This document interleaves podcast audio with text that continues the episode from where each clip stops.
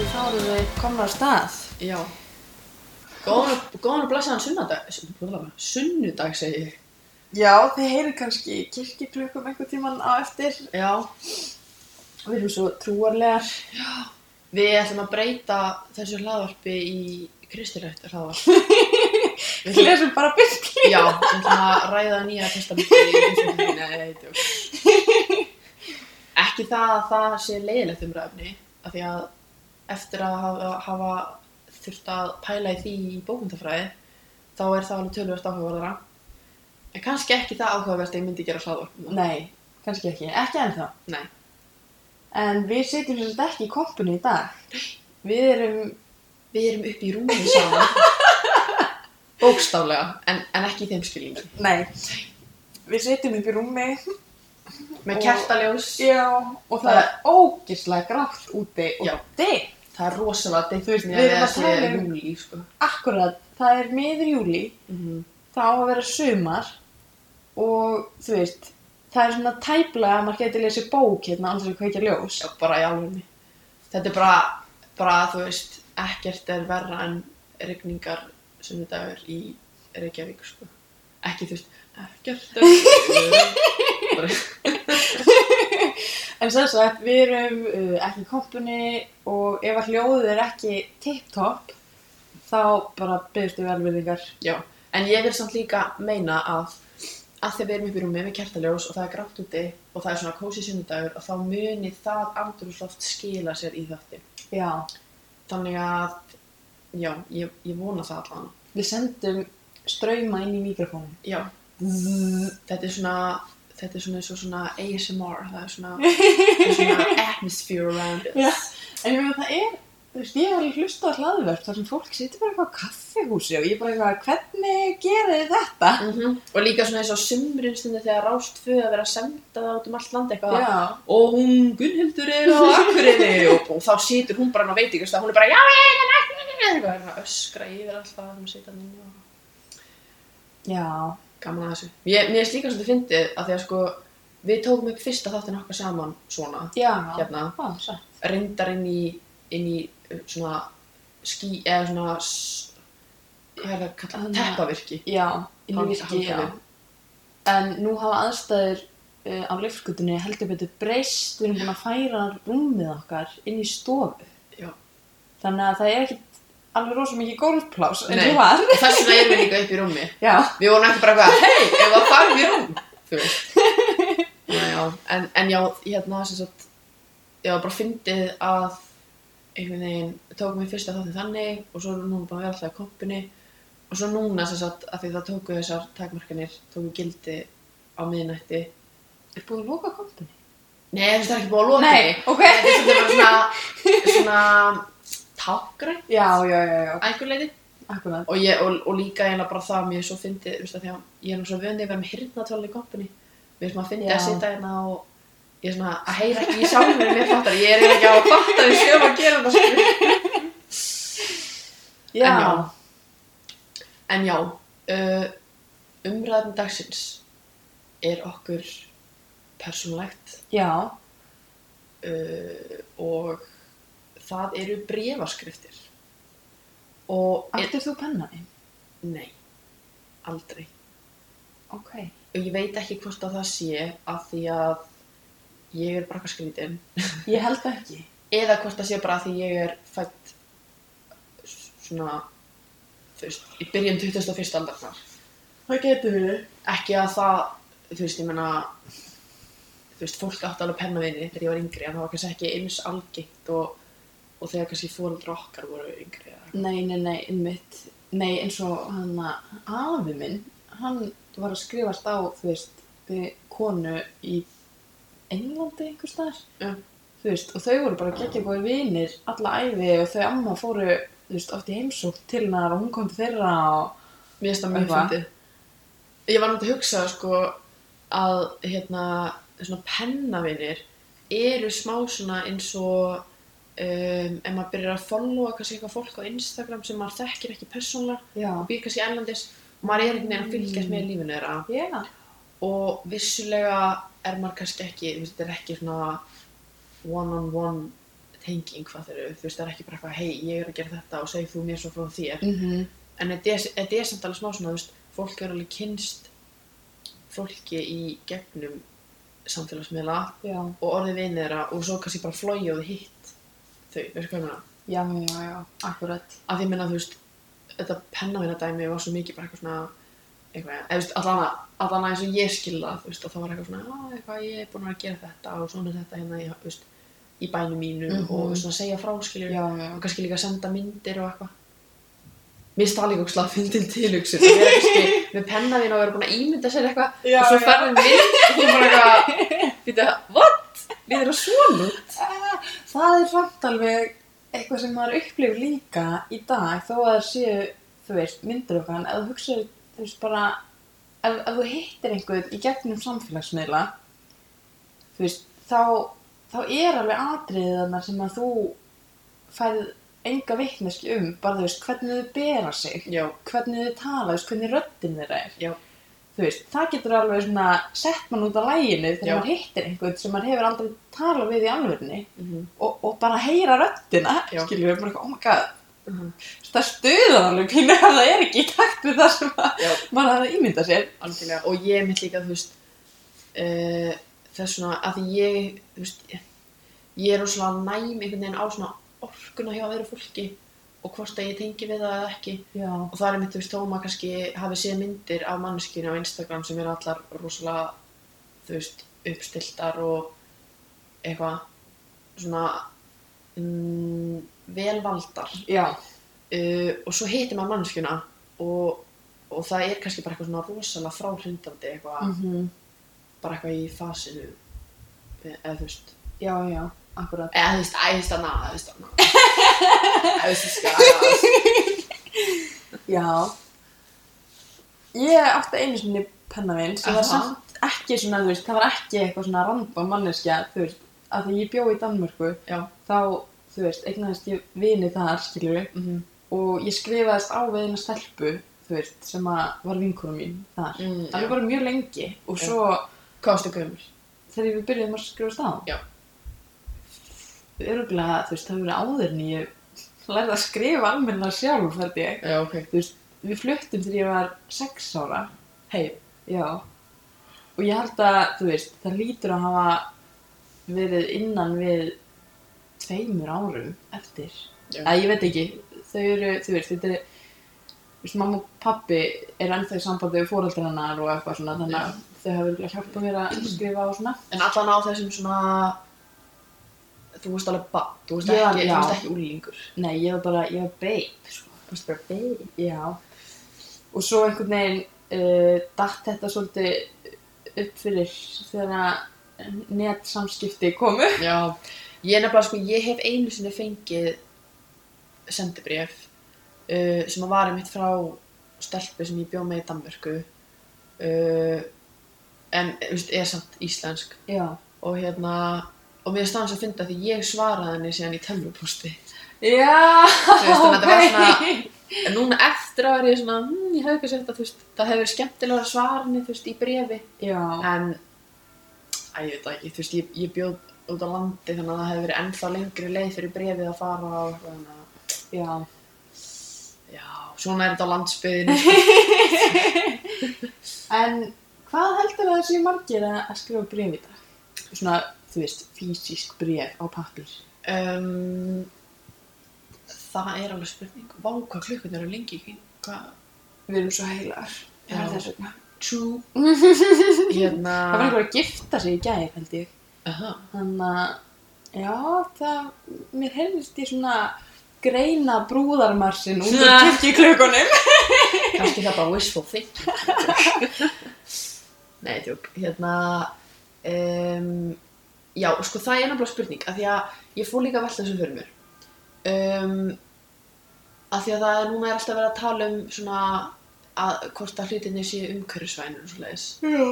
og alveg út frá mörgum hlutum og pælingum og eitthvað Mm og sko um, það, það er hægt að horfa á þetta held ég allan að minnstakosti á tvo vegu Mhm. uh, þú veist það það kostar sitt umhverfislega séð Mhm. eða þú veist að vera að ferja sendibrif Yes. þú veist á milli landa og þetta er oft þú veist pakningar í flugvölum og eitthvað -hmm. uh, en svo er samt líka alveg þú veist ég meina rafmagn og tækni og allt það þú veist það er, ekki, það er heldur ekki alveg óumhverfisvænt Nei, nei, nei, akkurat og líka, þú veist, þú veist, þessi gagnaver út í heimi sem eru að keira, þú veist, allt sem er ekki bara rafmagnað á tölvun okkar hérna Já. heima, þau eru ekkert að keira á endur nýjanleira orku. Nei, einmitt og einmitt þess að vera að segja þú veist þegar COVID var fyrst að byrja þá var verið sko að byðla til fólks að reyna að halda tölvupostunum í lágmarki eða þú veist ekki eins og Já, ef, ég, ok. ef ég sendi þér eitthvað svona hei, verður þú til að gera þetta? Mm Mhm. -hmm. Og, og þú segir já, ég skal gera það Já, að ég sé það ekki, ok, flott ég... þú veist, af því að já. það er í rauninni það þýðir, eða þú veist, það skiptir yngur máli í Já. þessum samskiptum uh, eða þú veist, auðvitað vilja sumir fá staðfestingu, en það að vera að byðla til fólks þá kannski ekki endilega út frá einhverju svona umhverfis sjónamiði heldur meira bara uh, að þú veist, af því það voru allir á netinu, Já, þú veist, að reyna þá að minka traffíkina í rauninni já, já, já. sem er alveg áhugavert sko uh, en en já, en svo þú veist finnst mér alveg það er svona svona romantísk hugmynd að einmitt senda bref og en svo er samt, þú veist, svo er samt líka skiljum við svo, þú veist ég er, eins og ég ólst upp í Danmörku og hérna uh, og amma mín og afi, þú veist, bæði uh, byggur bara á Íslandi Mm -hmm. og ef ég hefði, hefði ef við hefðum verið þarna fyrir tíma internetsins þá hefðu þau, þú veist, fengið einhver bréf sem er eitthvað að segja frá því hvernig, hvernig ég var að breytast og hvernig ég var að verða Mhm. eitthvað svona gera einhver nýja hluti, en alltaf, þú veist, miklu seinna Já, já.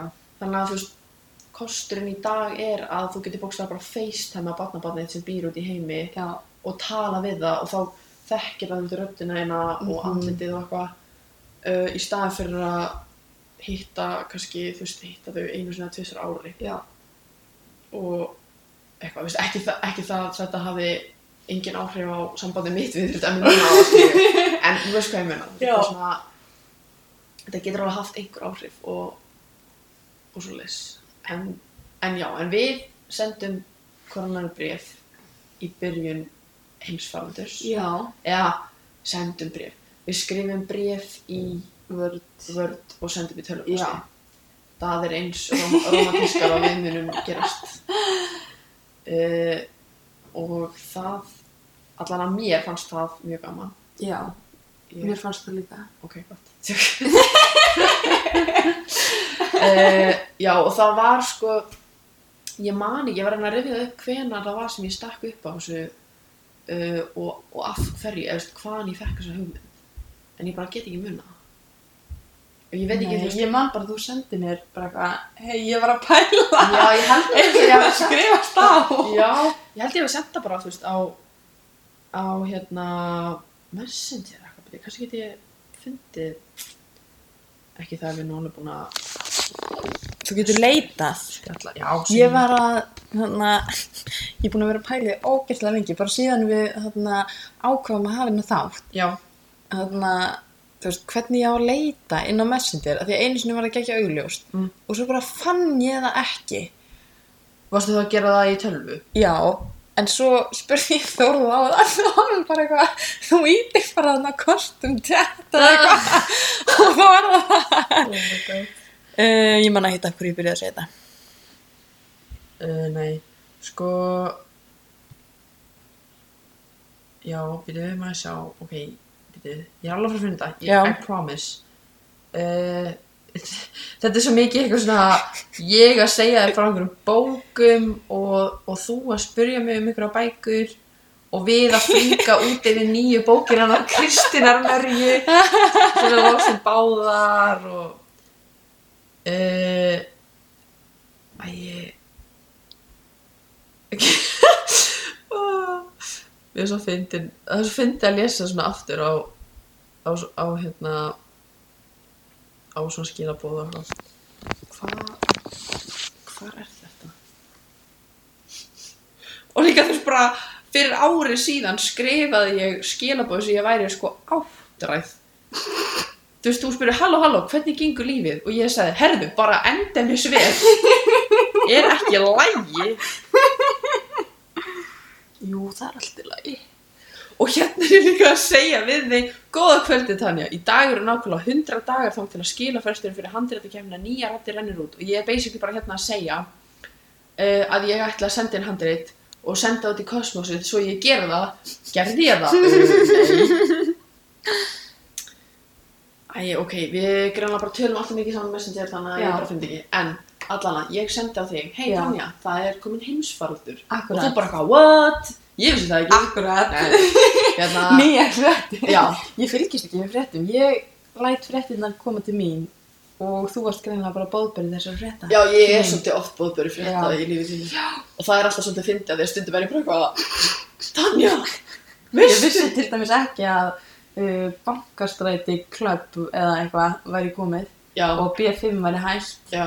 En það væri líka eiginlega smá stórskrítið ef að þú væri bara Já, ég er bara að vera að banka þér Af því að þú veist, Ég kom með klubbkort. já, það er svona Þú veist, auðvitað máttu það, en það kæmi mér alveg svolítið á óvart. Þú Já, veist ekki já, já. alveg beint típa til þess að vera. Nei, akkurat. Uh, en já, og við sem sagt byrjum hann að senda bréf og... Uh, Ég er með þau öll geimt hérna, Já, ég er mitt líka með þetta við fingurgómana hérna. Já. Þetta er alveg mörg brjöf sko. Ef að lesa þau upp neitt Já, öll. Já, þetta öll. verður upplýst Hvert einasta orð. Já. Þetta er gæðveikt persónlegt Þetta voru alveg uh, átta brjöf sem ég fekk frá þér Ok eh, og þá ég... annarkvort sjö eða níu sem að þú fekk frá mér Já. eftir því hvor svaraði ekki síðasta brjöfi. Oh shit Oh my god, ok, Nú var ég að tekka bara svo að við getum vita hver- hvor er uh, betri vinkona Já. Nei, djók Sko, þú sendir mér síðar 23. júli. Oh my god, er það í dag? Nei, það er 25. Það var svo fyndið, þetta var ekkert planað þannig Eða þú veist Ó, og ég sendi þér 27. júli. Ok, tí Vá Þú Ok. skuldar mér bref. Sitt maður Herri, ég ætla að skrifa það bara núna, þú sér bara um restina af þættinum Nei, djók uh, Já, en sko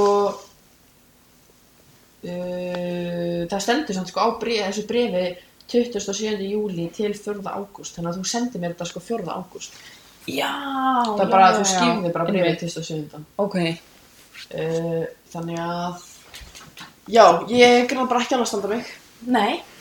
En ég held samt að það hafi líka bara verið að því ég var bara eitthvað, ha, COVID er búið, við erum það að senda breyð. Og svo árið setna er COVID svo sannlega ekki búið. Nei. En nóg um það. Uh, hérna, við, hvað vorum við að tala um í þessum breyðum? Við vorum að, Á ég lesa fyrstu málskalina í þínu brefi. já, ég er svo sem mann ekkert hvað það er, en, en ég stoppaði eða það er eitthvað alveg ræðið. Sér sagt, eh, 4. apríl 2020 já, skrifar Ástrós Sæltanja mín. Nú er orðið ansi langt sinn við hittumst og ég verða að viðurkenna að ég er farin að sakna þess að hitta þig. Margt og mikið hefur gengið á undanfarið svo að þetta gæti orðið nokkuð langt bréf. Svo sem ekki margt annað að gera en að lesa bréf, en nóg um það. wow, I haven't changed. Já, já, svo, svo koma lindarmálun okkar hérna bara. Má ég sjá? Ó já, Lein og lein já, og... já, já. Skulum bara halda þessu heimi brefana. Ó, en svo segir við að öðru. Það er orðið formlegt að ég mun aldrei fara aftur í skólan í Kvennó og fæ líklega stúdentprófið sendt í posti. Vá, þetta voru deprimerandi tíma. Já. Já, nek- já, sitt maður. Já, þetta voru brotur á okkar samskiptum. Já. Þið kannski fáið meira á eftir. Og þetta var eitthvað krútið, ég er farin að sakna þetta. Já. Það Já. var alveg grúðlega. Ég held líka að það var svolítið svona kveikjan að þessu að ég var bara eitthvað, að því maður var, maður var bara ekkert að hitta fólk á þessum tíma. skilurðu. einmitt. Þetta var einhvern veginn bara svona myrku aldirnar, maður Já. vissi ekkert hvað var að gerast Og þú veist, ég hætti á bókasamninu bara, þú veist, þegar það lokaði basically. já, einmitt. Þannig að í fyrsta skipti út af COVID. Já, þannig að við vorum he- ekki hittist í vinnunni og, og bara ekki almennt út af þessum heimsfaldri þannig já, bara herru, sendum bara breyf og líka Já. að því að við erum báða svona, erum alltaf að skrifa og eitthvað og, og ég hugsaði líka bara svona ég held að þú sért svona eina mannskjan sem að myndir taka þessu jafn alvarlega og ég Við skulum Já, muna. já, já. og finnast þetta ekki eitthvað svona kjála við, af því að við getum orðið eins og svona hálflegar einhvern veginn með- í samskiptum þannig að þetta var, þetta var svona hinn fullkomni samskiptamáti fyrir okkur tvær Já, og talandi um það, þá ætla ég bara að uh, fá að lesa hérna sönnun á því hvað bref er mér eðlislæg. ok, Að, þú veist, þegar við Þórður byrjuðum að tala saman, já, einmitt uh, þá vorum við eitthvað að senda hérna á milli og þetta byrjaði allt sennilega að því að ég sendi hérna uh, þetta gif, eða hvað sem að segir. já, svona, Þar sem að- svona litla hreyfimynd treyfumynd á meðsyndir þar sem að meðlimir í söngleiknum Hamilton er að gefa okkur öðrum high five. Ég vissi að þessum tímapunkti ekki hvað Hamilton var, sko. ekki Nei. Þarna hvað leitaður bara í, í GIF database-inu bara, bara eitthvað, high five. Já. það er mjög fyndið Af því Þórður var búinn að setja high five hérna á undan, sko. Já. Þannig ég Og- var að gefa tilbaka. Má ég aðeins sjá þetta betur og, og fyrir Hamilton aðdönduna þá er þetta sem sagt Hamilton og Thomas Jefferson að gefa hverjum high five Já. Bam Ég, ég er mikill Hamilton aðdöndi bara svona svo að það sé á hreinu Já. Ég hef síðan þá bæði hlustað á Hamilton og hort á hana Disney Já, upptökuna Já, en allavega, Já. þá spyr Þórður, hefur við heyrt um Hamilton sönglíkin? og ég segi, nei, spurningamarki, kannski, ég veit það ekki, segðu mér frá honum. Og Þórður segir, mun 100% gera það í personu. Stutt rappsönglíkur sem er búin að trilla Broadway síðustu tvö ár. Mjög flottur, eða býstu því, hef ekki séð hann bara hlusta á samtrakkið. Er hægt að vera í brefasamskiptum núna á okkar tíma, segir hann svo uh -huh. gegnum Facebook nei og ég segi, ætlaði samt að segja já þannig að ég var bara ég man eftir, þessu, ég var bara, já, auðvitað þannig að ég er greinilega bara svona, þú veist ég er bara að brífa manneskja Þú ert bara það er eitthvað brefalegt fyrir já, og ég spyr hann, þú veist, af hverju ekki og svarið því er, kæra Tanja er þetta nógu skrítið til að vera svalt þar til næst, bestu kveðir þóruður á oh. Og ég svaraði, kæri Þórður, þetta er alveg bókað nógu skrítið til að vera svalt. Bestu kveðjur, Tanja. Og síðan skriðuðust við á í bara, þú veist, meirin ár á Facebook. Ah. Ég þarf að finna mér svona brefagæja Þetta Já. En já, nei, bara í alveg, ef, ef, ef einhver strákur væri bara, ef að senda bríð á messenger, þá væri ég bara, gifstu mér. en já, þetta er mjög krúllegt og mjög, mjög líkt ykkur, Þorði. Já, svolítið. Já. Já. það er gaman að þessu. Uh, já, og svo, svo í þessum brefum sem við vorum að senda koronari uh, þarna, í, í byrjun heimsfaraldurs, það var náttúrulega þau svona að segja frá bara því sem var að gerast í okkar lífi. Já. Og svo vorum við líka mikið að tala um það sem við varum að lesa og vorum að mæla með Já, já. fyrir hverja aðra og það var til dæmis bókin sem við tölum um daginn þannig að Já. mæla fastan relaxation Bara í hver skipti sem ég hugsa um hana, ég fæ svona, Mhm. mér langar að lesa hana aftur. Já, Mér langar að lesa hana aftur í fyrsta skipti líka. já, mér líka Mér langar að fá þetta stuð, Já. þú veist. svona. Já, og líka þú veist, þessi hljóðbók þegar ég hlusta aftur á hann daginn þá var ég bara eitthvað, ég geti hlusta á þessu hljóðbók bara að eilífu Já. af því að líka þetta er svona þetta er alveg svona hálger samhengisleysa þannig að maður getur einhvern veginn bara svona að flakka milli kabla og maður veit Já. þetta einhvern veginn alltaf hvað er í gangi, skilju Já. og já mér, hún er alveg æði sko. en svo líka, svo fyndi sko því að senasta sumar tók ég eitthvað svona algjört sko lestus brjálaði Já. og ég las svo mikið þannig að ég var alltaf bara, já já bara þetta er það sem ég er búin að lesa og svo bara, brrr, bara gæðvegt mikið og þú varst alltaf bara eitthvað hérna, sko ég Ég er ekki búin að- þriðja ár bók. Já, og meðan ég var búin svona fimm eða eitthvað. Og þetta var bara, þú veist, eh, sko, og meðan eins og núna í sumar, ég er bara valla búin að lesa neitt, sko. Nei, ég er með meðmæli Ok, sem ég tók, ég sem sagt, uh, eins og því að kannski tekið eftir, það var ekki þáttur síðasta mánudag. já. Uh, það kom til Vonandi tókuð eftir því. Já, Ef vonandi. þið tókuð ekki eftir því, þá er þið lélir aðdáð. Uh, það kom sem sagt til á þeim ásökum að ég ákvað að fara til Danmerkur. Mhm. Ég kefti miða, eða ég kefti hann ekkert. Þannig að, Þér hlotnaðist miði. já, mér hlotnaðist uh, miði til Kaupmannahafnar á uh, föstudags eftirmiðdegi og ég fór á lögadagsmótni. Mhm. Uh, þetta er eiginlega það næsta sem maður kemst í núna að fara bara út á flugvöld og segja ég ætla að fá næsta miða. Já, ágríns. Uh, Ég er líka mjög stolt að vera orðin svona spontant kona. Já, já, ég, það, þetta er alveg í mér, þetta er alveg í mér. Þú hefur þetta þér, ég trúi já. það. Um, þetta hlaðvarp til dæmis var Mhm. svona spontant Já. atriði. Allt skemmtilegt í lífinu gerist þegar maður hættir að hugsa. Ég veit það. Þegar og maður segir bara, já, Þú veist, þetta var svona, sko, málið er að vinkona mín var að hætta með kæristanum sinu. Mhm. Og ég sagði við hennar svona, þú veist, bara, þú veist, vera, vera stuðningur, skilur, við getum bara, þú veist, þú getur komið, eða ég get komið til þín, eða ég skal koma í ís, eða þú veist, við ætlum vera eina, þú veist, við getum fara út á flugvöld bara og, og það var svona, ég veit ekki, fimm- 50-50 grín og ekki grín. Mhm. og svo bara, fó- fórum við, Já. skilur. Mér finnst það mjög fyndið. Þetta hljómaði alveg eins og, að því að þú líka bara mættir að bóka sannu og bara eitthvað, bara, við höfum þetta bók, eða þú veist, þú var náttúrulega búin að segja mér að vera að fara, en ég var bara eitthvað, hún er bara í alvörinu bara að fara. Já. Það er að gerast. Æ, Það var mjög fyndið. Já, og ég sem sagt mætti að bóka saman þig. Já. Og mér vantaði bók fyrir þetta fjóra daga frí. Og endaði á bókinni uh, okkar á milli. Af því að snillingurinn sem ég er, uh, mælti með þessari bók fyrir tönnu. Já. Og Ég það- ætlaði fyrst að lesa þarna venjulegt fólk. Já, þetta er sem sagt sko, þetta eru bækurnar, norm, eða sem sagt bókin sem að Tanja las, sem ég mælti með fyrir hana, heitir á ennsku, eða upprunalega málinu, uh, Conversations with Friends, eftir Sally Rooney, sem er samir í töndur og skrifaði Normal People, sem að ykkur ykkar ætti að kannast við uh, bara út frá þáttunum sem að voru gerðir sem að hafa fikið fullt af velunum Já. og eru bara jálega slagóður. Hefur hún ekki líka fjallað um þær þá hana eitthvað í þarna beðmál um bókmyndir.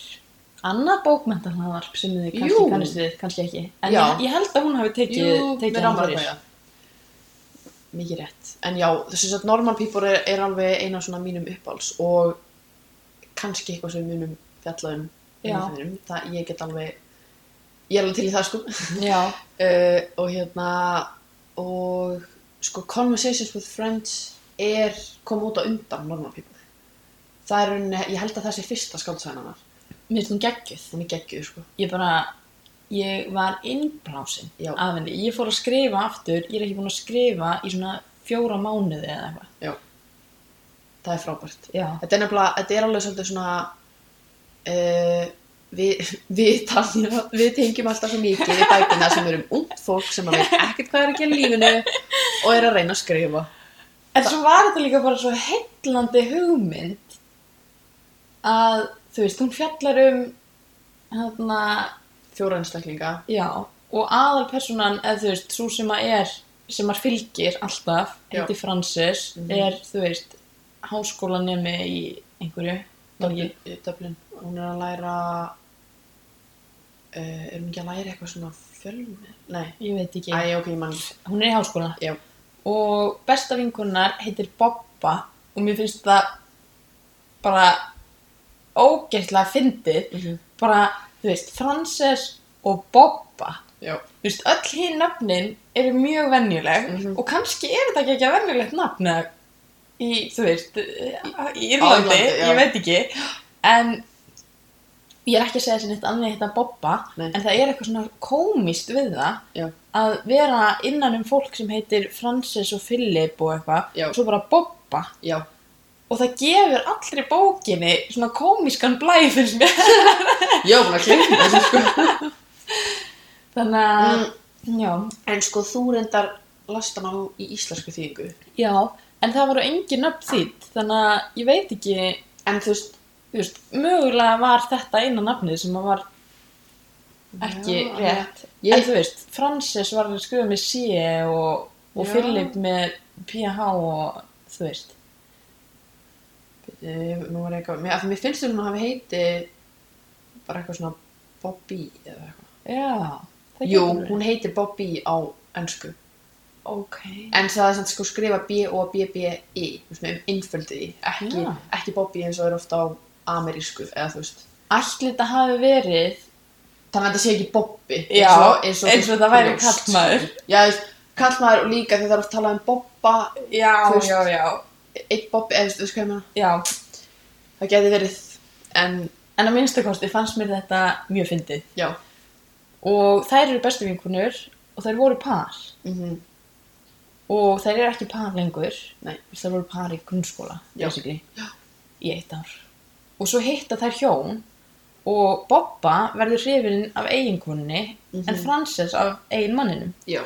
Og mér finnst þetta bara, mér finnst þetta frábært. Já, þetta er ótrúlega áhugavert og mjög svona um, ég veit ekki hvað hann lýsa þessu, svolítið svona, þetta er mjög svona nútímaleg skáldsaga myndi ég að segja Já. ekki bara því að hún er að fjalla um alls konar kynniðir og eða, þú veist, eitthvað, eða, þú veist, eitthvað þannig Mhm. heldur bara einhvern veginn hvernig það er einhvern veginn verið að þú veist set púsla þessum saman og láta þú veist reyna á það þetta er svona eins og næstu þessu eins og einhver svona tilraun þar sem þú veist að láta reyna á þólmörk einhverja eða þú veist Já. eitthvað svo og þú veist uh, bókin gerist bæði í Dublin og Fraklandi. Fraklandi og Normal People gerist í Dublin eða Írlandi og, og svo farðu held ég til Ítalíu Ítalíu eða Fraklands þannig að Mm. Já. þetta er svona það, það er svona smá líkind að það milli en samt ekki þannig Já. að þú veist maður sér bara eitthvað En ég ætla að mæli með þessari bók. Já. Hún er til í íslenski þýðingu. mm -hmm. Um, ég man ekki hvað fórlag Benedikt kannski. Allavega er þetta eitthvað í svona bókaklúpurinn Sólinn eða eitthvað. Já. Og, og ég mitt mæli líka með hana, normal people sem var þýtt sem er eins og, eins og fólk er flest. Hún var, hún var þýtt hann ekki bennulegt fólk sem ég smá Já, fyndi en Mér finnst það samt gott já, af því að venjulegt fólk er eitthvað svona það eru þú veist þættir á sól já, símans. satt, líka það en þú veist, eins og fólk er flest mér finnst, mér finnst það mjög flottu titill Já, mér líka. Og svo er sko þriðja skáldsana til Sally Rooney er að fara að koma út bara mjög brálega já, og ég er svo spennt að ég Já. gæti dáið. vá, ekki degja Nei, ég, þar farið að rigna, heyrðu það já, heyrið þið það? alveg örgulega ekki. nei, sannlega Þannig það örgulega heyrist bara svo eitthvað suð eða eitthvað. Örugglega.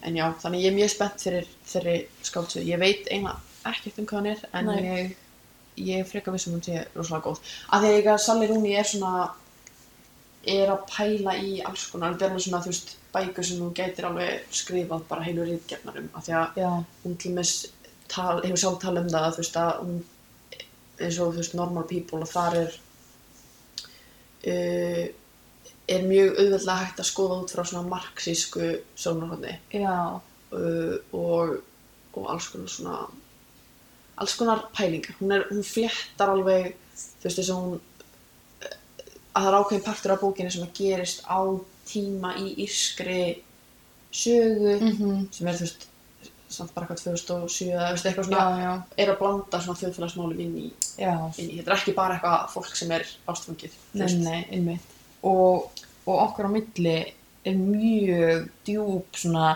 sálfræðilega já, þú veist, án þess að vera án þess að fjalla beinlínis um það mm þá finnst mér hún vera þú veist, undirtónin í henni er ótrúlega sár Já, alveg klála. Og Já. svo fannst mér líka svo áhugavertið mitt við þá bók að uh, að ég veit ekki hvort það sé kannski ég veit ekki hvort það sé spoiler. Ok, ég ætla þá bara að setja hérna höfskuldar við verum. það er svo gaman að þetta íslenska orð, þetta er alveg geggjað orð. Ég ætla að setja þá bara, þú veist, ef ykkur ef ykkur langar virkilega að lesa þessa bók og viljið alls ekki vita neitt þá bara, þú veist, bara skipið um svona tíu sekundur, ég skal bara setja mjög hratt já, aðalpersonan er með þú veist, endometrósíu hún er greind með hana í svona lóksögunar já, já, og mér staður rosalega áhugast því það er ekki oft sem að lesum það í skáldsögum já, en ætti þetta að vera meira í umræðinni af því að þú veist, þetta er bara mjög algengt mm -hmm. en já, ok, nú tölum við ekki meira um nú það törnum ég verið það nú fyrir við aftur að tala um bréf já, um, hefur þú lesið svona bækur á bréfaformi? Já, sko, það er nefnilega góð spurning. Ég fór að googla. Ég held ég að, ég held að það hafi ekki verið eitt þáttur þar sem ég hef ekki sagt þetta. Ég fór að googla að ég á mér ekki neina sjálfstæðar hugmyndir. Nei, tök. Hérna, nei, mér fyrst bara stundum þarf maður bara aðeins að hressa upp á minnið. Já. Uh, og ég fór að googla svona, þú veist, hvað er þessu, þessar svona frægustu bækur, eða allavega svona einhverja af þessum frægustu bókum sem að eru á bréfaformi. Já. Um, og þá er einn sem ég hef lesið sem að er The Perks of Being a Wallflower. Er hún á bréfaformi? Hún er greinlega bréfaformi, ég var búin að gleyma því. Ókei. En ég held samt að það sé svona, að því að sko þetta er ekki beint að hann sé eitthvað að senda einhverjum ákveðnum. Ég held að það sé meira svona, þú veist að það er einhver sálfræðingur sem segir hann að skrifa bréf. Já. Þannig að þetta er einhver svona, þetta er mm, kannski næstu meira svo dagbók Já. en þetta eru samt bref í svona eiginlegum skilningi og það er mér líka svo áhugavert að þú veist að mér finnst bref einmitt geta haft uh, svona mikil sálfræðileg uh, á, eða svona meiri sálfræðileg áhrif en maður átta sig á Mm -hmm. að því þú veist að skrifa bref er einlega næstu í svona sama pæling og þegar þú ferð til sálfræðing svo sess niður og ert að segja frá Já. þú veist er náttúrulega ekki alveg eins Nei. en þetta En er það það er einhver lósun já, og mögulega myndu skrifa meira en þú hefðir sagt, þú veist, já við, við manneski sem þú verður að tala við. Já. Skilur. og líka þú veist að því að, að því að drekki þú veist eins og ef þú skrifir dagbók þá færði engin viðbröð þannig Já, að ef- ef já. þú ert að senda ykkur svo tristir Mm -hmm. mikið skilur bréf þú veist og færði viðbröð þá er þetta svona þetta er allan að að einhverju leiti svipað og þessi pæling þú veist, Mhm. það sem er að gerast þegar þú ferð til sálfræðing skilur. Já. og það er mitt í þessari bóku þannig að eh, Perks of Being a Wallflower að þá þú veist, er hann einhvern veginn já, þú veist, það er bara þessi pæling Já. að, þú veist, það er sálfræðingur allan að, mér minnir það allan að það er einhvern mörg að sem lasabók Já. en þú veist, og þá á hann að skrifa þessi bréf og þá eitthvað eitthvað að hjálpa honum Já. uh, en svo líka, ég reyndar hef ekki lesið hana og það er alveg bara synd og skömm og ég þarf að lesa hana en það er The Color Purple Já, ég Eftir hef að ekki lesa- að lesa hana. Volker, já, mér finnst þess að maður einhvern veginn verða að lesa hana uh, Já. af því hún er svona, þú veist, einhvern veginn klassík og fjallar um bara mikilvægan part af sögunni Mhm. en hérna, það er víst samkvæmt þessari grein hún er víst skrifuð í brefum til Guðs Já. sem okay. mér Ok. finnst líka mjög áhugavert af því að það er mér líka næstu í bara eins og svona skriflegar bænir Já. að því að þú veist, sumir uh, fara bara með bænir sem þau hafa lært, skilju Já, Eða þú veist, það já. er einhvern veginn svona það er einhver ákveðin lósun í því svona Já. eitthvað sem að margir eða þú veist, eitthvað svona, já, svona sem að margir þekkja og eitthvað en sko þegar ég var barn þá var mér kent að þú veist, í rauninni gæti ég eða, þú veist, ok, ég, þú veist, ég kem ekkert eitthvað úr svona mjög trúari fjölskyldu skilju, en þegar ég var barn, þú veist, þá var ég látin fara með faðir voru að hann fór að sofa Mhm. og þú veist, ég lærði alveg eitthvað á bænir og þú veist, ég er skýrð og ég er fernd og svo leist Já. og þá var mér kent þú veist að ég gæti í rauninni sagt Guði hvað sem er Já. Ég held Fattarðu? að mig koma aðeins nær. ok að ég geti sagt Guði hvað sem er það var kannski aðeins svo. hérna uh, já þannig að Sorry. sko uh, já og, og náttúrulega þegar maður er lítill þá pælir maður ekkert í því að það gæti einhver stað þarna fyrir utan hurðina og hlusta ef ekki Nei, að nei. gera það skilju Ég myndi gera 100%. já, ég, ég líka, sko. en hérna já, þannig að, að það er mitt svona, þú veist, að í þessari bók er það er hún að skrifa niður bréf en ég held samt að það sé þú veist, ég, bara, ég held að hérna, bréf eru bara svona e- eru einhverju partur af okkar svona Ah, ég veit ekki, ég veit ekki hvað að lýsa því þetta er bara svona, ég held að, ég held að bréf sé, þú veist, svona brefaformið er okkur mannfólkinu mjög náttúrulegt. Já. Þetta er eitthvað svona, þú veist, þetta er þessi þörf fyrir að koma eigin upplifunum og skilningi og hugsunum eitthvað út. Hvort Já. sem það er, þú veist, guð eða sálfrængur eða besta vinkonæðin eða Mhm. eitthvað. og hvort sem maður skrifa það niður eða segir það eða eitthvað, þú veist.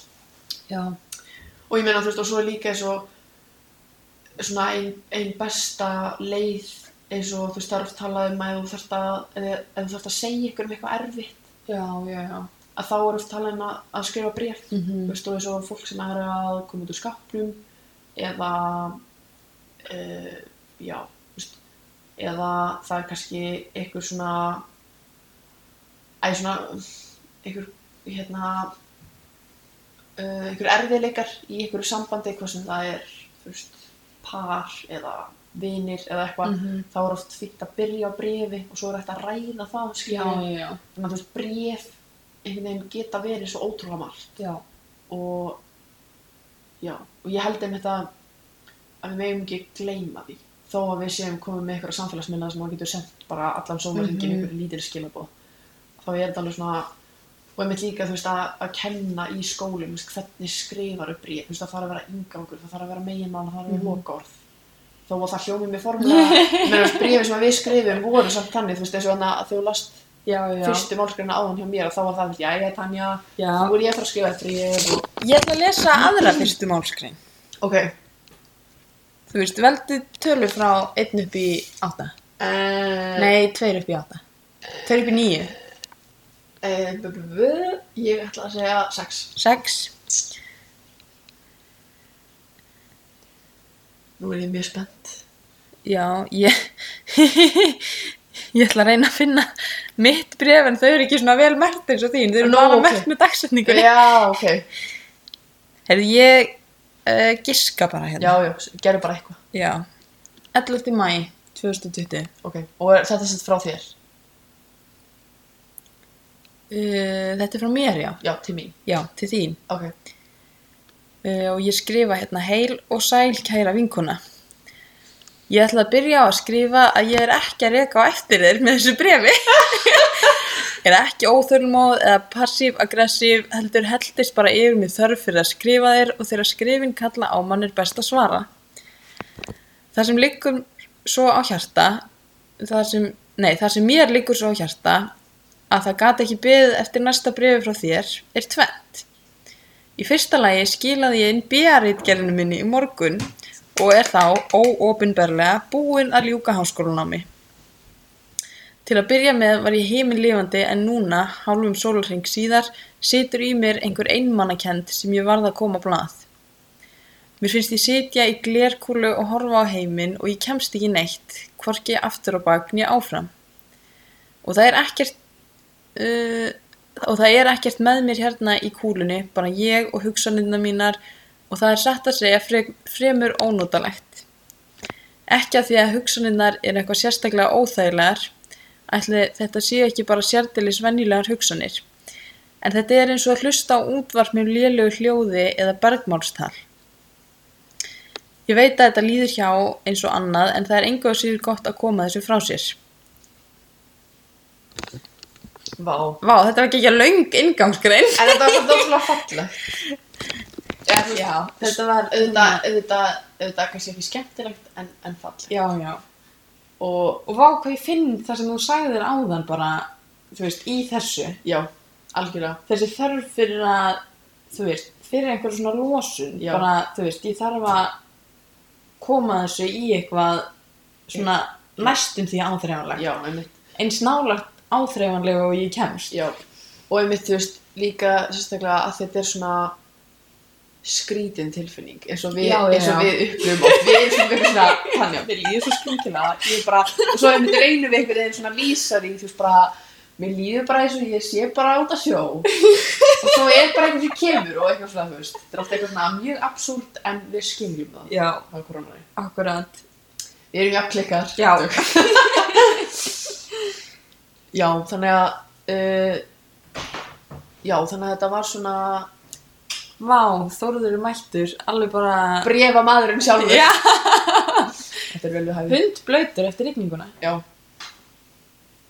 Uh, hérna, já, sem sagt, þannig að þetta er svona, í þessum brefum, þú veist, þá vorum við að segja frá því sem að, hérna, var að gerast í lífin okkar og spurja hver aðra og svo vorum við að lýsa svona einhverjum alls konar tilfinningalegum ástund, ástundum Og, og þá sérstaklega náttúrulega í heimsfaraldri þú veist að manni líður mjög skringila í svoleiðis ástandi já, uh, og svo þú veist að mæla með þessum bókum og, og svo vorum við alltaf líka alveg að tala um einhverja bíómyndir og, Já. og þætti og svoleiðis já, og það, mér finnst það er alltaf fyndnaði einhver svona pælingar hjá okkur heldur en ef við lýsum bækur þegar það er bara einhver svona einhver svona gæðrið skreittar myndir sem við erum að horfa á og, og eitthvað sko mannstu eftir einhverju sem við töluðum um um, Nei Ég held sko, ég hafði allan að sagt, sagt að hafa hort á hana Normal People þættina já, og, og hérna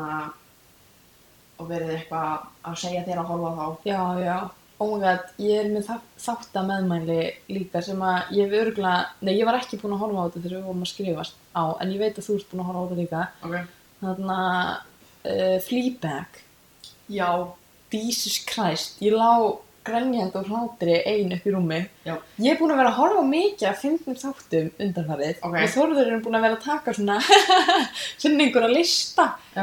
og þú veist, þú veist, 23 fyndustu þættirnir og þá sem skilur við ekki serjur, heldur einstaka þættir já og svo bara kostum við krónu eða þú veist, finnum random númer skilur við Uh-huh. og leifum heiminum að ráða Og er ekkert erfitt að koma inn í þætti og vita kannski ekki alveg þú veist svona hvað hefur verið að gera og eitthvað Nei, það hefur ekki verið erfitt. Og Ég- til dæmis, þá horfðum við á uh, fyrsta þáttin í annari sériu af The It Crowd Já, sem heitir Workouting já, og oh my god, þetta er það fyndnasta sem ég hef séð. er þetta ekki, hérna, hvað heitir hann aftur dökkari með glerugur sem er svo ógislega fyndin?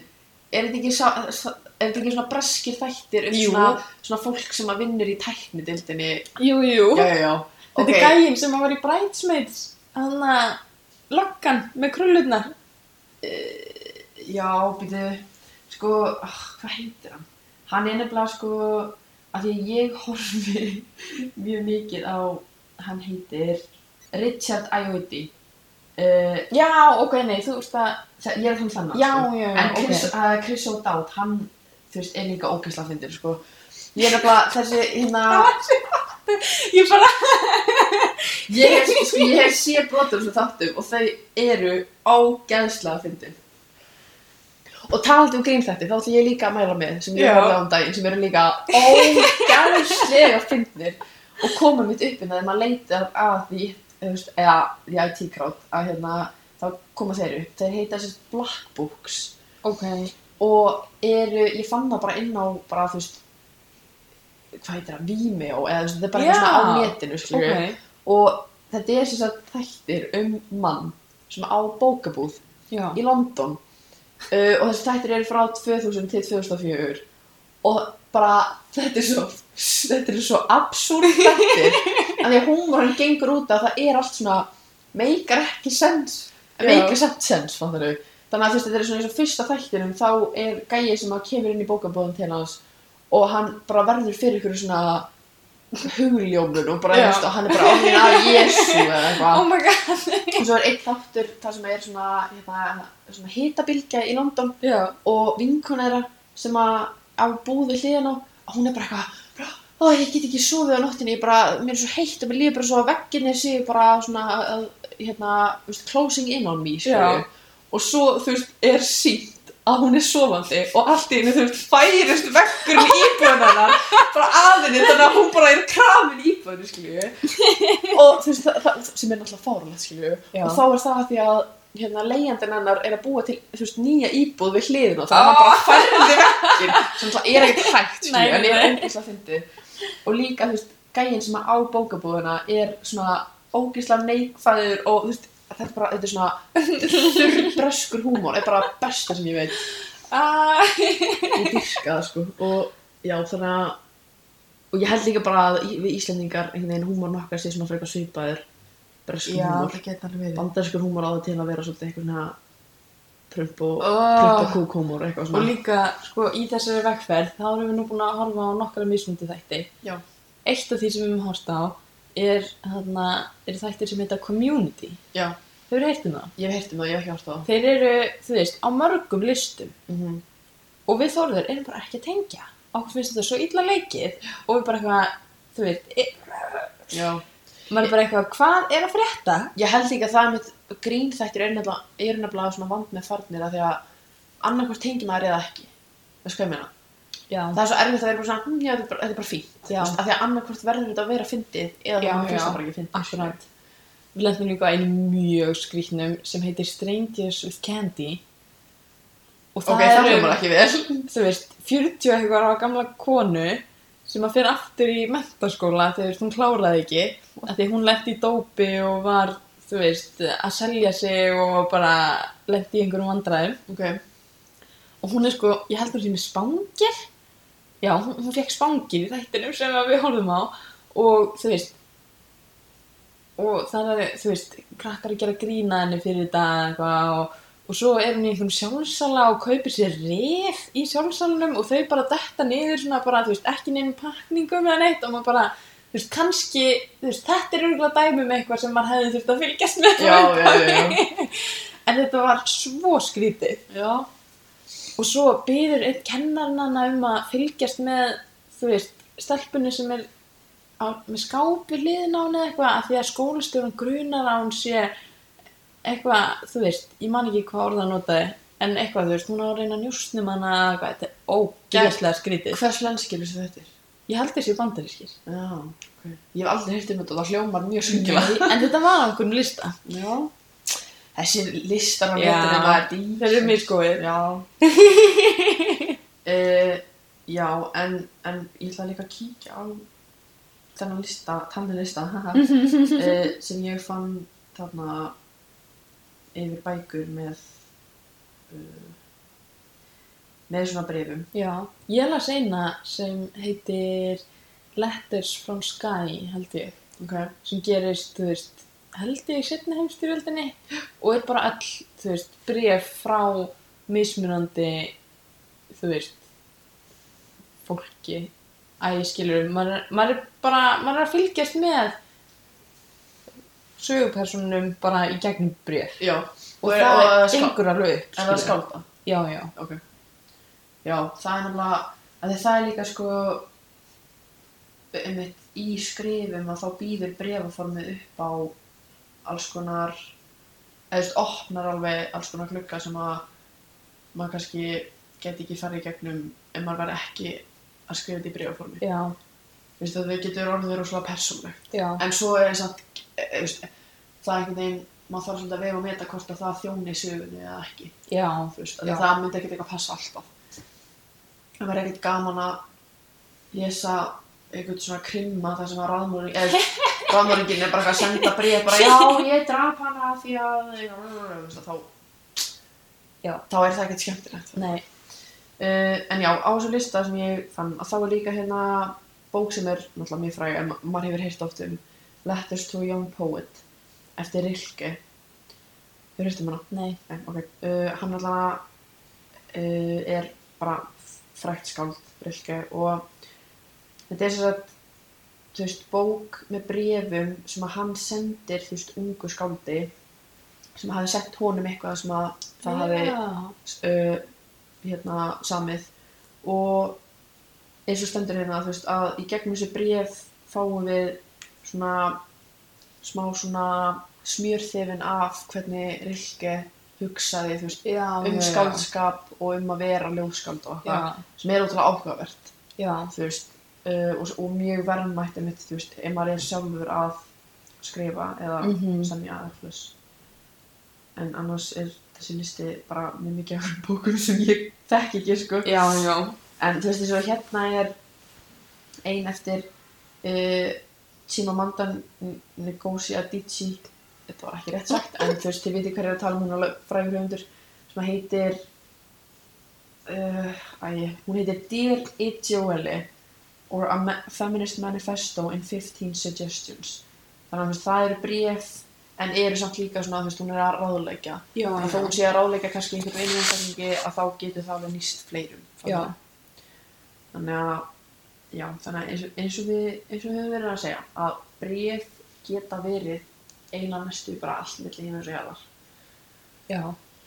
nema gírafi en það er svo sem að lætta að þú veist búa til origami gírafa úr papir Eða skrifa, þú veist, eins og gírafa í læni, þú veist, þannig að orðin myndi gírafa, svona eins og myndljóð. já, það er þetta það er þetta frábær punktur.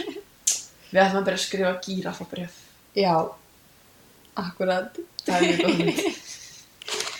Mér finnst að ég ætti að lesa eina síðustu málskrein Ok. svona, þegar það fer að líðundu lokja okkur Ok. af því að þú veist, við erum að fara þetta í klukkutíman af því að eins og ég sagði þá á að vera ingangur, meginmál og lokar Já, þið fáið engin meginmál hér þau eru uppfull af okkar dýpstu og innstu já, ég meina bara, leyndarmálum. í- ég meina bara í hláðafstættinum sko. Já, já Heyrðu um, Nú Nún er, máttu örugglega- núna er örugglega ykkur sem er svoleiðis að deyja úr forveitni að vita hvað við erum að tala um í þessum brefum. And you will never know.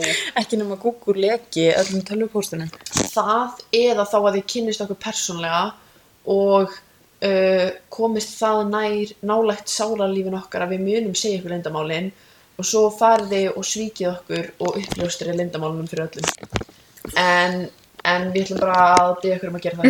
Af því að það er mjög illa séð. Heyrðu, Búin að finna ykkur að frábæra já loka efnisgrein Já. Um, þetta er bréf frá 25. mæ 2020. frá þér Frá þér til mín. ó, frá mér, ok, Já, ok, ok sem endar á orðunum. Mér líst óendanlega vel á að fara í göngu saman. Ég var meira að segja búin að vera að hugsa um hvað mér langaði að gera það með þér. Ég legg til að við göngum upp að Helgufossi frá Gljúrasteini eins og Lagsnes gerði daglega með næsti einhver tíma næstu helgi. Ég er ein heima frá förstu degi til mánudags svo ég er í raun laus hvenar sem er. Verðum í bandi með þetta í netheiminum. Brostnar ástarkveðjur, ástar og synd.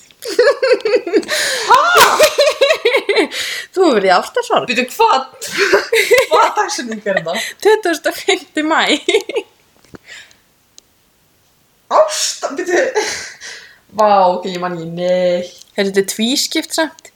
Þú skrifaðir líka, þú veist, inn í brefinu sem er skrifað 25. mæ er bref sem þú skrifaðir 22. mæ í varmahlið.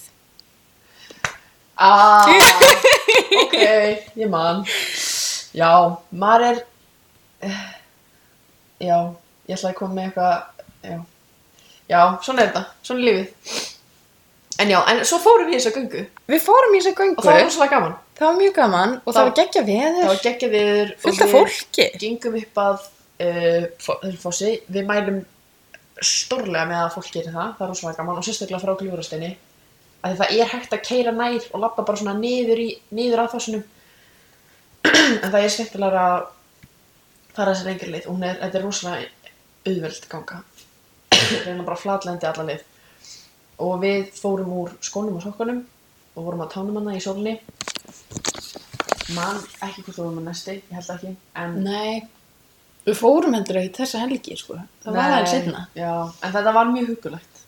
Það var hugulegt. Við erum svo hugulegar. Já. En þannig að við erum með svolítið spennandi fréttir. Já, heldur betur. Talandi um bríðaskrift. Já. við erum komin í samstarf. Eitt samstarf. Heldur betur. Við ætlum sér sagt að gerast svo djarfar að henda í svo kallaðan svona Instagram gjafaleik. Já. Og við erum sem sagt uh, komnar í samstarf við annað Instagram sem að heitir uh, Bók og Te. Uh, ég ætla nú samt að gá til öryggis hvað nafnið er bara svo, ég- þú veist, svo að þið finnið þetta örugglega. Uh, maður sjá. Þetta heitir, þetta er sem sagt skrifa bók og niðurstrykk T á Instagram. Uh, og þetta er svona, það er kallað hérna óvissuferð með bók og það er hægt að panta svona pakka þar sem þú ferð bók sem þú veist ekki, þú veist, þú veist ekki hvað bóka er og með því fylgir te og súkkulaði og eitthvað svona pröfur, svona siltuveru pröfur Ógæslega hugulegt. Já, Og alveg þetta bara kostar ekki mikið. Nei, Er þetta ekki bara eitthvað, þú veist, 1300 kall og sendingakostnaður? uh, maður sá, þetta er uh, Jú, þetta er einmitt, bara 1500 kall og svo er líka eftir að velja svona, svona, svona, svona úlingapakka eða svona þess. Já, Þannig að það, er svona, það þú hefur aðeins, aðeins stjórn yfir þessu. já, Uh, og þetta er algjör snilt. Og við sem sagt erum komin í samstarf við þetta, þessa snilt. já, Og við ætlum í þessum gefaleik að gefa eitt svona pakka.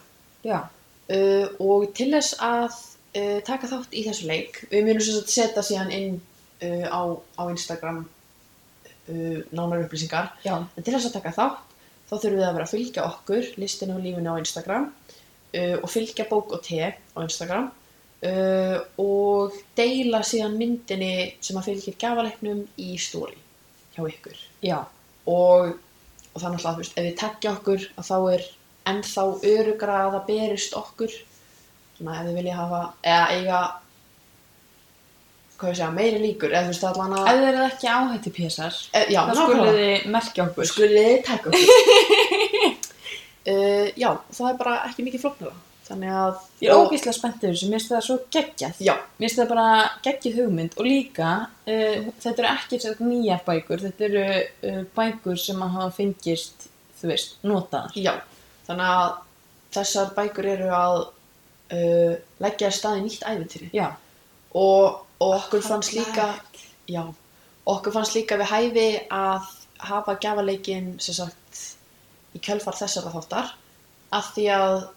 Uh, sem sagt, það er alltaf svona smá miði utan á uh, bókunum sem að segir aðeins til um að það eru pakkar inn mm og á þessum pakka sem við ætlum að gefa þar er tekið fram að í þessari bók er verið að uh, fjalla um brefaskriftir já, segi ekki meir, nei, en þess vegna var þetta svona við hæfi já, mjög við hæfi og ég, ah, ég, mér líður eins og ég tengist þessu svo mikið, mm -hmm. eða svona, svona andlega, skilur við. já, Mér finnst þetta svo ógeðslega flott já þetta, er, og, þetta, og er, mér finnst að þetta er öll að panta ykkur svona bók. þetta er brakandi snilt Já. en já, er það ekki bara Líka, þú veist, Já. það er geggja að gefa einhverjum þetta. já, Þú veist, þú þarft ekki að kaupa þetta fyrir þig, þú getur, þú veist, keift þetta og gefið einhverjum öðrum. Það er Þú veist, mjög- Hversu geggju gefur þetta? þetta er algjör snill sko. og sérstaklega mitt þegar ef maður svona veit ekki alveg hvað maður á að gefa og, og líka eins og bara í svona mitt eftir í hug svona eins og svona uh, hvað er að kalla á eitt svona secret santa leikum Já, leik, leikum já, svona Eh, leynivina leikur. já að, að það mér finnst þetta alveg snill sko. Já, og líka bara þú veist skilur, það elska allir bækur, það elska allir súkulæði það elska allir te, það elska allir óvissu já, og þetta er bara allt í einu pakka já, hvað sem ekki snill geggju snill. Já. Þannig að uh, drífið ykkur að, að gera allt sem þið þurfa að gera. Já, og ef þið ætla ekki einu svona að taka, gjá- taka þátt í gjáleiknum að samt bara fara og followa þetta Instagram af því að Já, og Þetta er breyða geggjað. boðskapin út, þú Nákvæmlega. veist. Um, nákvæmlega. Já, En já, uh, ertu með eitthvað gullmóla, nei gullmóla, uh, guðsmála, heyrðaði. heilræði eða eitthvað, eitthvað út í vikuna. Það ávist að vera að koma sól núna í vikunni. Vá, hvað mér finnst það fjarstæðu kent.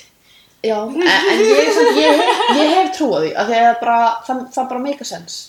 Veistu, Það er augrétt. Þannig að ég held að heilræði vikunar uh, verði heilræðið sem að ég gaf sjálfur mér á föstudaginn fyrir viku áður en ég kefti hennan flugmiða Ok. sem ég kefti ekki Já, það er fólknaðist.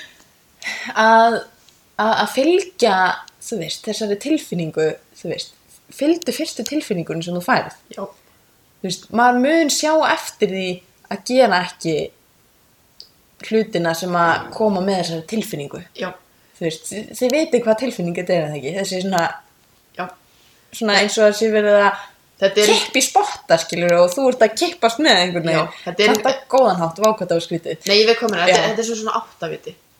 Já, þú veist, þú svona all, allt í einu snýstan skilur, já, þú veist, og þú bara svona, já, þarna, Já. þarna þú veist, og, hlustið á þessa tilfinningu. já, og líka því að því meira sem þið hlustið á hann átt að vita, því meira heyrið í hann Já, af því að ég líka, ég ætla að segja það á hann ég er núna undarfarið búin að vera að segja já við öllu Ok. bókstala, ef einhver stingur upp á einhverju, Já. þá er ég bara, já, gerum það ok, veist hvað ég gera fyrst daginn? hvað? Ég fór í Zipline hann var ég á hérna perlunni oh my god og oh my það var, god það var geggja gaman og ég er búin að fara á fjórhjól og ég er búin að synda í sjónum og ég er bara, hvað er ég ekki búin að gera, skilju ég er bara orðin crazy, sko Ég fór í rússipanna í Danmörku, Ok. svona alvöru rússipanna og Orðið mér fannst gaman. það agalegt. Ó. Þetta var, ég er orðin, Bara- ég er bara orðin ekki svona aðrölu í sjúklingi, ég er svona bara geggja, sko ég fór sko, ég byrjaði, við fórum í tífóli já, og vinkonu mín elskar tífóli.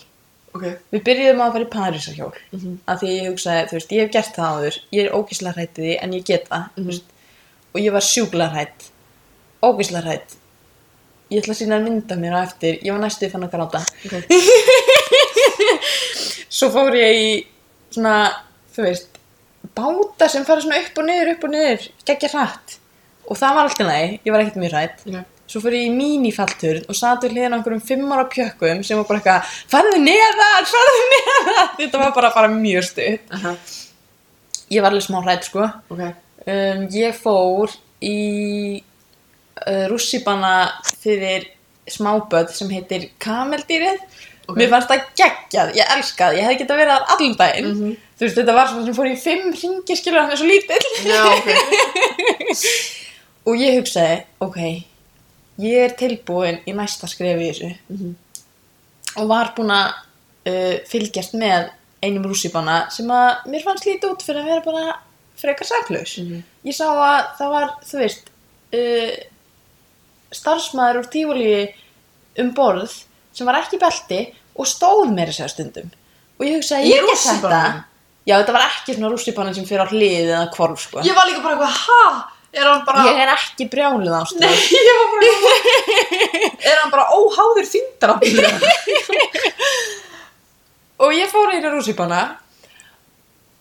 og við fórum á stað og ég svo, ok, þetta er alltaf næg. Svo fórum við inn í gau- göng og það er alveg dimmt.